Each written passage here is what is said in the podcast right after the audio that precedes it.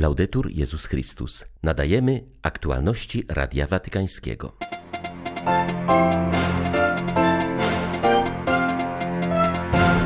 W życiu trzeba mieć horyzont, a prawdziwym horyzontem jest tylko Bóg, mówił papież w podcaście przed Światowymi Dniami Młodzieży. Do Portugalii z całego świata zjeżdżają młodzi chrześcijanie, biorą oni udział w programach poprzedzających spotkanie w Lizbonie. Europa jeszcze nie zrozumiała, że wojna na Ukrainie to wojna w Europie i że ta fala, która dziś przelewa się przez naszą ojczyznę, dotrze też do nich, uważa arcybiskup Światosław Szewczuk. 25 lipca wita Państwa Krzysztof Bronk. Zapraszam na serwis informacyjny. Na kilka dni przed rozpoczęciem Światowych Dni Młodzieży papież zgodził się wziąć udział w podcaście włoskiej redakcji Radia Watykańskiego. Formuła programu jest dość prosta. Franciszek reagował na nagrane uprzednio zwierzenia kilku młodych ludzi, którzy nie wiedzieli nawet, że papież będzie słuchał ich słów. Są to w większości ludzie z poważnymi problemami, jak młodociani przestępcy, których Franciszek zapewnia, że Pan Bóg jest zawsze gotowy, by wziąć ich za rękę i im pomóc. Najsurowiej zareagował na postawę dwudziestoletniego Giuseppe, który porzucił studia i cały swój czas poświęca wideogrom, a wszystkie nawiązywane przez niego relacje mają charakter jedynie wirtualny. Z czasem się sobą znudzisz i uważaj, żeby nie było za późno, ostrzegał go papież. Słuchaj, wysłuchałem tego, co powiedziałeś. Wypracowałeś swój sposób życia, kontaktu z ludźmi, ale jest to kontakt sterylny. Taki, jaki mają ludzie na terapii w oddziale zamkniętym, którzy oglądają swoich krewnych za szybą. Masz sterylny kontakt z życiem i brakuje ci tylko jednej rzeczy horyzontu. Nie możesz żyć bez horyzontu, wiesz o tym? Z czasem się sobą znudzisz i uważaj, żeby nie było za późno, kiedy to się stanie. Ważne jest, abyś doświadczył tego znudzenia sobą, kiedy jest czas, aby wrócić na drogę. Posłuchaj, proszę, potrzebujesz horyzontu. Otwórz okno, nie możesz zrozumieć życia bez horyzontu. Boisz się, że stanie ci się coś złego, ale zło, którego doświadczasz teraz, jest paskudne, ponieważ masz sterylny kontakt z życiem. To tak, jakbyś jadł coś, co nie ma smaku. Twoje życie jest pozbawione poezji. Wiesz o tym? Spójrz na horyzont i idź dalej. Dużo czułości okazał natomiast Franciszek Ariannie, młodej kobiecie, która cierpi na chorobę afektywną dwubiegunową, jest naznaczona konsekwencjami separacji swych rodziców. Moje dwubiegunowe zaburzenie nastroju trzyma mnie w niewoli, w pułapce, w okowach mówi w wysłuchanych przez papieża zwierzeniach. Słyszałem Twoje świadectwo i podoba mi się, kiedy mówisz, że Twoje życie to huśtawka w górę i w dół, ale dodajesz, zawsze jest Bóg na każdym etapie życia. Podoba mi się Twój realizm. Powiem Ci tylko, spróbuj wytyczyć sobie ścieżkę, ponieważ mówisz to huśtawka, w górę i w dół, tam i z powrotem, ale w końcu takie życie może stać się labiryntem, z którego nigdy się nie wydostaniesz. Bądź ostrożna, zawsze patrz przed siebie, nie trać horyzontu, bo to jest to, co pozwoli ci pójść dalej. A horyzontem jest Bóg. Bóg jest z tobą i będzie ci towarzyszył w drodze. Nie zgub tej przygody życia, nie wchodź w labirynty świadomości, które ostatecznie nas nie zbawiają. Musimy iść naprzód. A także terapia psychofizyczna, którą podjęłaś, może ci pomóc. Wszyscy mamy psychofizyczne rany. Wszyscy jesteśmy zranieni przez życie i grzech. Ale zajmij się tym. Parę dni temu rozpoczął się program Magis, jezuicka propozycja przygotowująca do Światowych Dni Młodzieży. Do Lizbony zjechało blisko 2000 osób z całego świata. Głównym tematem jest budowanie przyszłości pełnej nadziei. Diakon Dominik Dubiel dzieli się swoim doświadczeniem wspomnianego spotkania. Była znakomita konferencja Majka Martineza, to taki amerykańsko-kubański jezuita, raper, poeta, filozof, o odkrywaniu własnej tożsamości w oczach Boga.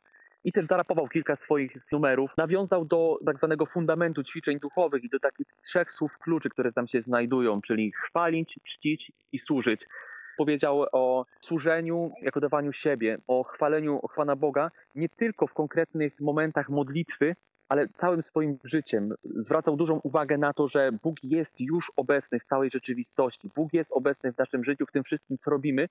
więc kładł duży akcent na to, żeby szukać Pana Boga w tym, co się dokonuje w naszym życiu, w tym momencie, tu i teraz. I w ten sposób wszystkimi naszymi akcjami, które mają dobrą intencję, chwalimy Pana Boga. Więc myślę, że to był taki punkt kluczowy jego konferencji i chyba tego, co rozmawiałem też z różnymi osobami, to najmocniej utkwiło im w pamięci.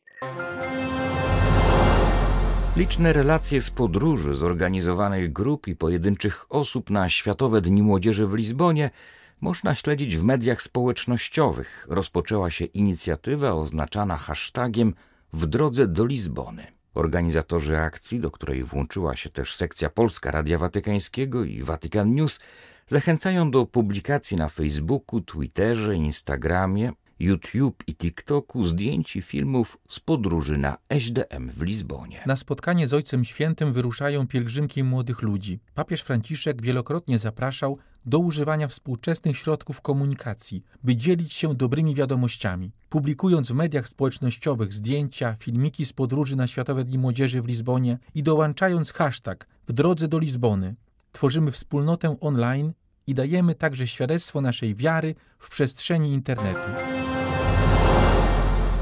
Gdy spędzamy razem czas, razem się modlimy, razem śpiewamy, nawet w strasznych chwilach przebywania w schronie podczas ostrzałów, mamy wówczas wewnętrzną odporność na te okropne okoliczności, wskazywał arcybiskup Światosław Szewczuk podczas spotkania z młodzieżą w Lwowie. Zwierzchnik miejscowych grekokatolików nawiązał między innymi do sytuacji w Odessie. Wskazał, że uderzenie rakiety w prawosławną katedrę stanowiło cios w serce dla tamtejszej wspólnoty. Świątynię bowiem swego czasu pobłogosławił patriarcha moskiewski Cyryl, który obecnie udziela swojego poparcia dla ostrzeliwania ukraińskich miast. Rosyjscy zbrodniarze działają zgodnie z logiką diabelską, zaznaczył arcybiskup Szewczuk. Hierarcha zauważył także, że pełnoskalowa wojna kradnie Ukraińcom młodość i dzieciństwo. To tragedia, ale muszą dorastać szybciej jednak staną się również w taki sposób niewątpliwie katalizatorem zmian dla całego naszego kontynentu. Ja przekonany, że Jestem przekonany, że takiej Europy, takiej Ukrainy, takiej Rosji, która istniała przed wojną, już nie ma. Europa doświadcza spóźnionego szoku. Jak myślę, Europa jeszcze nie zrozumiała, że wojna na Ukrainie to nie tylko wojna dla Ukrainy, ale to wojna w Europie i owa fala, która dziś przelewa się przez naszą ojczyznę, dotrze też do nich. Pamiętam swoje uczucia z początku wojny. W Kijowie żyliśmy w sytuacji praktycznego oblężenia. Nie wiedzieliśmy, czy następnego dnia będziemy żywi. I kiedy kontaktowałem się z moimi bliskimi w Galicji, jak czułem, oni nie rozumieli, że na Ukrainie trwa wojna. Owa fala jeszcze w nich nie uderzyła. I czasami naprawdę osoby ze wschodu, każdego dnia patrzące śmierci w oczy, przyjeżdżając tutaj na zachód, mogą mieć wrażenie: słuchajcie, wy nie rozumiecie, co to jest wojna. Oto czego nauczyłem się odwiedzając rannych żołnierzy w szpitalu. Nigdy nie mów mu, że go rozumiesz. To bardzo trudne słowo. Jak możesz zrozumieć młodego chłopaka, który nie ma nóg? Ale doświadczając tego, wspólnie to przeżywając, wszyscy stajemy się inni. Dlatego Europa się zmieni, a my będziemy katalizatorem tych zmian. A my będziemy, знаєте, tym katalizatorem tych zmian. Horror, jaki przeżyliśmy 23 lipca, świadczy o tym, że w Rosji nie pozostały żadne moralne, ludzkie ani jakiekolwiek w ogóle wartości, wskazał grecko-katolicki biskup Odessy Michaiło Bubni. Hierarcha podkreślił potrzebę modlitwy, aby Bóg uratował cały świat, Ukrainę od owej trwałej, bezpodstawnej inwazji. Jednym zdaniem można rzec, to była piekielna noc, Armagedon miasta Odessy. To było bardzo straszne wśród wielu przerażających eksplozji. Wszystko trwało cztery godziny, od pierwszej do piątej. Odessa nie spała całą noc. Straszne eksplozje, ponieważ rosyjski agresor użył wszystkich możliwych rakiet. Z naszych wiernych, dzięki Bogu, nikt nie ucierpiał. Ale można powiedzieć, że ludzie są bardzo przygnębieni, bardzo przestraszeni, bo stało się się w noc przed niedzielą, więc kiedy odprawiałem boską liturgię w naszej katedrze, widziałem twarze przerażonych ludzi. Od ponad roku znosimy ową straszliwą agresję ze strony państwa rosyjskiego. Ostrzał Odessy rozpoczęto natychmiast po wycofaniu się Rosji z umowy zbożowej, czyli gdy tylko wycofali się z tego porozumienia, momentalnie zaczęli ostrzeliwać porty morskie w Odessie, w Czarnomorsku. Zaraz też zaczęli atakować wszystkie obiekty morskie, które służą temu, aby eksportować zboże do biednych krajów. Do biednych krajów. Dziesiątki tysięcy pielgrzymów świętują dziś w Santiago de Compostela, modląc się o grobu świętego Jakuba Apostoła. To sanktuarium jest jednym z najpopularniejszych na świecie, a fenomen masowego pielgrzymowania trwa od wczesnego średniowiecza aż po dzisiaj.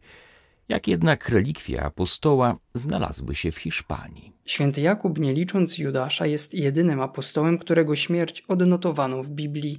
Został zabity z polecenia króla Heroda Agrypy, który poprzez tego typu gesty chciał zaskarbić sobie przychylność faryzeuszów i żydowskich starszych. Stąd też niektórzy wnioskują, że aby podkreślić swą wierność dla judaizmu, mógł zakazać pochowania świętego Jakuba. Chrześcijanie mogli jednak wykupić ciało, natomiast pochówek musiał się odbyć poza jurysdykcją Heroda, a nawet z dala od realnego zasięgu prawa rzymskiego. Żyjący na przełomie VI i VII wieku Izydor z Sewilli zaświadczył o działalności apostoła w Hiszpanii i o pochowaniu go tam. Gruby musiał być jednak ukrywany przez wieki ze względu na prześladowania. Do ujawnienia doszło w IX wieku. Najpierw sprawę zbadał biskup Iri, który po potwierdzeniu wiarygodności tradycji poinformował króla Alfonsa II. Od tego czasu napływ pielgrzymów do sanktuarium nie ustaje. Tajemnica Chrystusa w katechezach Jana Pawła II. Wiara ze świadectwa apostołów. Wszystkie nasze katechezy dotyczą osoby Jezusa Chrystusa. Tej osoby, która sama dała świadectwo o tym, kim jest. To świadectwo, czyli objawienie się Boga w Jezusie Chrystusie, znalazło wiarę. Wiara jest odpowiedzią na słowo Boga żywego. Jest odpowiedzią na świadectwo, jakie Jezus Chrystus dał przez swoje słowa i czyny. Nade wszystko przez swoją śmierć krzyżową i zmartwychwstanie. Ta wiara w Kościele trwa przez tyle stuleci, przez tyle pokoleń. Jej symbole stale przypominają nam wiarę wspólnoty pierwotnej, wiarę apostołów. Wiara apostołów zrodziła się z bezpośredniego obcowania z Jezusem Chrystusem. Powołują się na to. Święty Jan wyraźnie mówi, co oczy nasze widziały, co uszy nasze słyszały, czego ręce nasze dotykały. Tak więc jest to świadectwo, można by powiedzieć, z najpierwszej ręki. Tam też trzeba szukać w tym świadectwie z najpierwszej ręki, to znaczy w Piśmie Świętym, jak formowała się wiara w Jezusa Chrystusa, najstarszym pokoleniu Kościoła. Nasza wiara w Jezusa Chrystusa stoi w centrum wszystkiego, w co wierzymy. Jej początki zatem łączą się z bezpośrednim doświadczeniem Jezusa Chrystusa. Mają tu swoje źródło. Kościół tę wiarę przejął wprost od apostołów i z pokolenia na pokolenie ją przekazuje. Równocześnie jej strzeże, strzeże jej tożsamości. Równocześnie stara się ją coraz lepiej tłumaczyć, pogłębiać w miarę potrzeb ludzkiego umysłu w różnych epokach. A nade wszystko stara się nią żyć, ponieważ ta wiara jest źródłem życia. To życie, które w wierze w Chrystusa znajduje swoje źródło, jest właśnie zbawcze. Były to aktualności Radia Watykańskiego. Laudetur Jezus Chrystus.